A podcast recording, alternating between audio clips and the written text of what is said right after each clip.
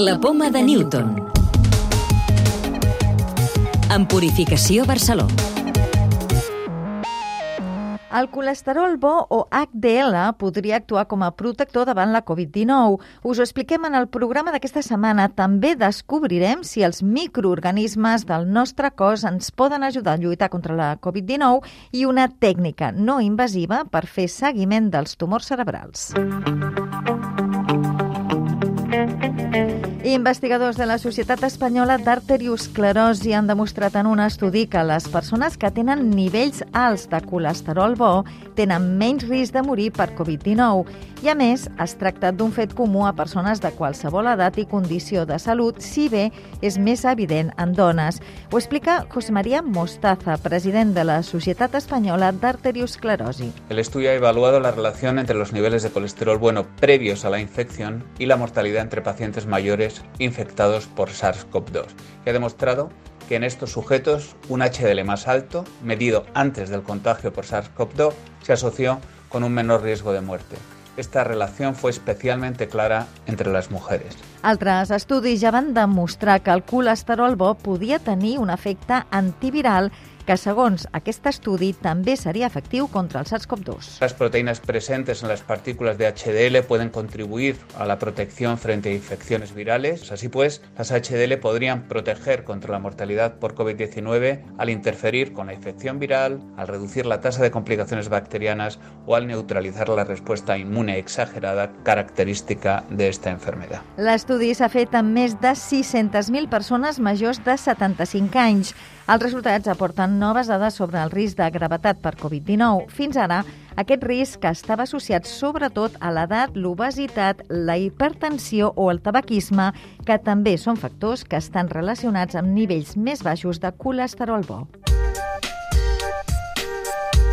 Més coses estudien si el microbioma pot ser un indicador de gravetat en la Covid-19. El que s'ha demostrat és que la infecció modifica el nostre microbioma i ara hi ha científics que volen saber si un determinat microbioma pot ser un biomarcador de l'evolució de la malaltia o si pot predisposar a patir una Covid persistent.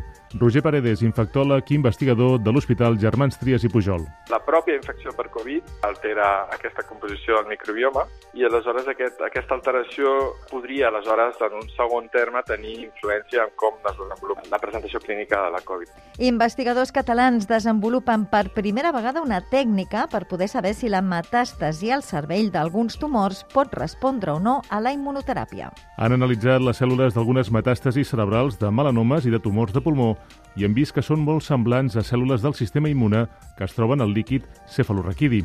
D'aquesta manera, amb una simple punció lumbar per extreure aquest líquid, es podria saber si una determinada metàstasi cerebral respondrà a la immunoteràpia. Joan Seoane és el director de recerca translacional del BIO. Les cèl·lules del sistema immune que es troben al líquid cefalorraquidi, i això es pot obtenir a través d'una punció lumbar, veiem que les cèl·lules són molt, molt, molt semblants a les cèl·lules que hi ha en el tumor cerebral. Tenir nivells alts d'àcids omega-3 a la sang incrementa l'esperança de vida en gairebé 5 anys. És el que conclou un estudi en participació de l'Institut Hospital del Mar d'Investigacions Mèdiques. La recerca apunta que incrementar un 1% la concentració d'aquest element a la sang s'associa a un canvi en el risc de mortalitat semblant al de deixar de fumar. Per contra, ser fumador anula l'efecte positiu de menjar peix blau, la principal font dels àcids omega-3. Llibres de ciència. La nostra recomanació d'avui ens endinsa en el fascinant món de les matemàtiques. Contar les matemàtiques del professor de secundària David Hernández ens mostra el que hi ha al darrere dels principals teoremes i conceptes numèrics i ens acosta a una cara nova i molt atractiva de les matemàtiques. Descobrirem, per exemple, per què comptem fins a 10, qui van ser els inventors de la geometria o què s'amaga darrere el número pi i també la vinculació entre la ciència dels números i altres disciplines, com la pintura o bé la literatura. Un llibre pels apassionats de les equacions, però també pels que creuen que tenen al·lèrgia als números i potser és que encara no han descobert la seva cara més divertida. La clau de volta. Quin significat té que hi hagi mutacions a l'espícula del SARS-CoV-2? Tomàs Pomarola, cap de microbiologia de l'Hospital Vall d'Hebron. L'espícula és la glicoproteïna a superfície que utilitza el virus per unir-se en el receptor celular i poder entrar dintre la cèl·lula. És la clau que ell utilitza per, per obrir la porta de la cèl·lula. Pot tenir doncs, claus que funcionin millor, que funcionin pitjor a l'hora d'obrir una porta. Si la poleix una mica a determinades zones, girarà millor i d'una forma molt més àgil i, per tant, podrà entrar d'una forma molt més ràpida ràpides. Això és el que signifiquen les mutacions a l'espícula.